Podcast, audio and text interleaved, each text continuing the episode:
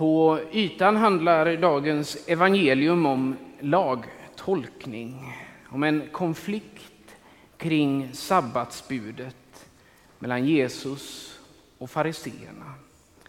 Och detta att sabbaten blev till för människan och inte människan för sabbaten, ja det kan då förstås som ett slags fribrev från allt vad lagregler heter. För så uppfattar väl och längtar många människor till frihet från lagar och regler. Familjemässan i morse tog jag Pippi Långstrump som ett exempel. En som har det så. Ingen mamma, ingen pappa, ingen kan säga till henne att gå och lägga sig när hon har som allra roligast. Ja, vi uppfattar bud, lagar, regler så som att de begränsar oss och gör vårt liv förkrympt och tråkigt. Men de bud som Gud ger är precis tvärtom. De gör att vi blir oss själva. De är goda vägvisare vägvisare till ett verkligt mänskligt liv. Ett liv där vi som människor ska likna Gud i godhet och kärlek. Därför är dagens evangelium ett av många exempel i evangelierna när Jesus använder sig av en specifik situation. Alltså detta att lärjungarna ryckte ax på sabbaten för att låta den situationen bli utgångspunkt för en djupare undervisning. Ja, på ytan så kan det verka som att diskussionen här gäller vad som är tillåtet på sabbaten och inte. Men i själva verket är det de djupaste frågorna kring människan och det rätta sättet att ära Gud som står på spel. Men jag tror vi måste börja och stanna en stund vid det som också den första läsningen i mässan berörde, nämligen sabbaten. Vad innebar den? Och här har vi en tråd att följa hela vägen tillbaka till skapelseberättelsen. Och inte oroliga. Vi ska inte följa hela tråden sen från skapelseberättelsen eh, till evangelierna för då, då får vi hålla på en stund och kanske inte bli klara. Men det går tillbaka till skapelseberättelsen som säger att Gud vilade på den sjunde dagen. När Gud sedan sluter sitt förbund med Israel märker vi att vi har hoppat ett ganska många år, så innebär det, detta att helga vilodagen mer än att inte bara arbeta eller att göra vissa sysslor. Utan sabbatsbudet är ett sätt för Israels folk, för människan, att efterlikna Gud som vilade på den sjunde dagen. Alltså, sabbaten har inte bara en negativ sida. Jag får inte göra så eller så eller så. Det finns också en positiv sida. Detta att efterlikna Gud. Och det kan ju inte vara för krympt eller trångt eller tråkigt. Och det är här vilan kommer in. Och vila är ett nyckelbegrepp. Inte bara för sabbaten som sådan, utan också i dagens evangelium som vi ställs för. Ganska otydligt när man läser Markus evangeliet. Desto tydligare när man kollar på evangeliet före, nämligen Matteus evangeliet, får vi eh, den här texten i ett helt annat sammanhang. Och där, där finns en, en händelse som så att säga föregår denna konflikt om sabbaten som brukar kallas för Jesu messianska jubelrop. Jag prisar dig, Fader och himmelens och jordens Herre, för att du dolt detta för de lärda och kloka och uppenbarat det för dem som är som barn. Läser vi i slutet av Matteus elfte kapitel. Så är det ju så att vi har för vana att skilja på texter, separera dem från varandra. Och vi får ju så att säga ganska god hjälp av det. Man går upp, eller om ni nu eller när ni kommer hem eller vid annat tillfälle, slår upp vilket, vilket ställe i Bibeln som helst så har vi indelningen i kapitel, i verser, stycken, med rubriker. Och så tänker vi, ja, den där texten, den handlar om Jesu gudom. Här gör Jesus något, något utspel där han nämligen senare i det här jag prisade i himmelens och jordens skapare talar om sig själv i ett sonförhållande.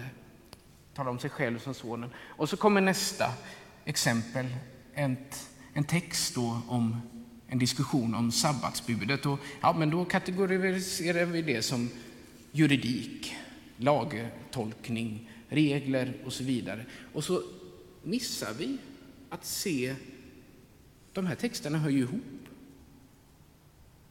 För indelningen i kapitel, vers, stycke, rubrik är ju långt mycket senare.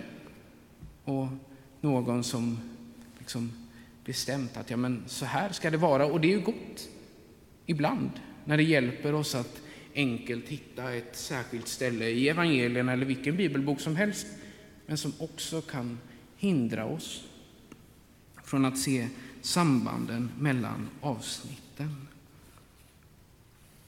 Och sambandet mellan Jesu messianska jubelrop och den här händelsen när han diskuterar vad som är tillåtet på sabbaten med fariseerna kommer av ett, ett ord som, som föregår den diskussionen.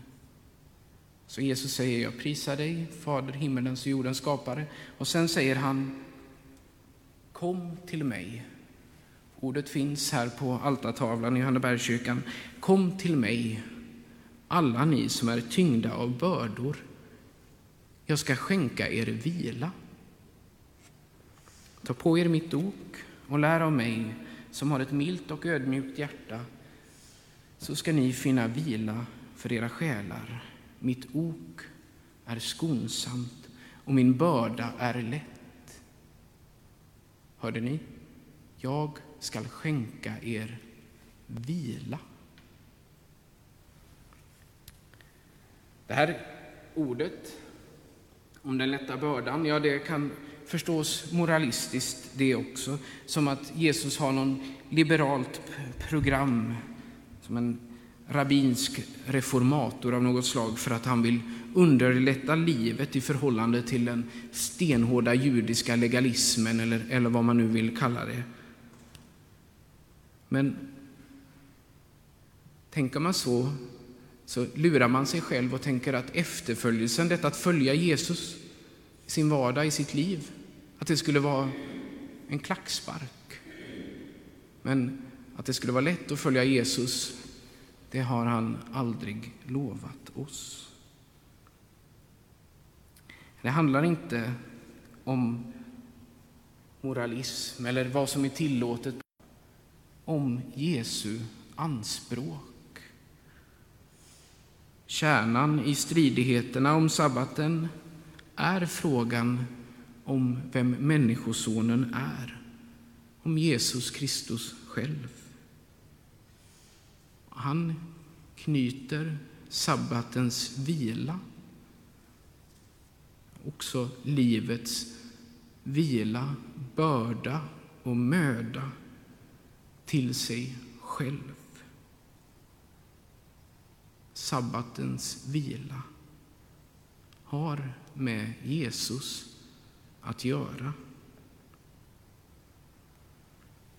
Alltså, Jesus är inte herre över sabbaten därför att han tolkar sabbatens eller sab sabbatsreglernas inskränkningar på ett Som sagt, han kommer inte som någon rabbinsk reformator för att göra livet lättare. Utan det som på ytan verkar handla just om detta, om sabbatstolkningen, handlar själva verket om vem han är, om hans gärning. Detta kan sammanfattas med ordet att Jesus uppfyller eller fullkomnar lagen genom sitt liv, sin död och uppståndelse. Och det är då vi kan prata om en frihet i Kristus. En frihet som vi får bruka under ansvar. En frihet som gör att vi kan lyfta vår blick från regelparagrafernas boksidor och fästa den på Jesus. Än en gång, inte för att det gör vårt liv enklare eller bekvämare. Det är snarare en större utmaning att behålla det fokus som är Kristus, hans kärlek och hans föredöme. En frihet under ansvar som har som mål lovsång, människokärlek och skapelseansvar som vi bad i kollektbönen. Så att bruka frihetens ansvar så att vi lovsjunger dig, att vi tjänar vår nästa och vårdar din skapelse. Och det är när vi inte lyckas som vi främst möter Guds kärlek. Blev det fel, inser jag, den meningen. Det, det är inte när vi lyckas som vi främst möter Guds kärlek. Tvärtom är det när vi misslyckas som vi förstår vad Guds kärlek handlar om. Att i kraft av Jesu försoning upprättas och ledas på trons väg mot rättfärdighet. Eller, för att tala med aposteln Paulus, vi väntar oss i vår ande att genom tron vinna den rättfärdighet som är vårt hopp. Ära vare Fadern och Sonen och den helige Ande, så som det var av begynnelsen, nu är och skall från evighet till evighet. Amen.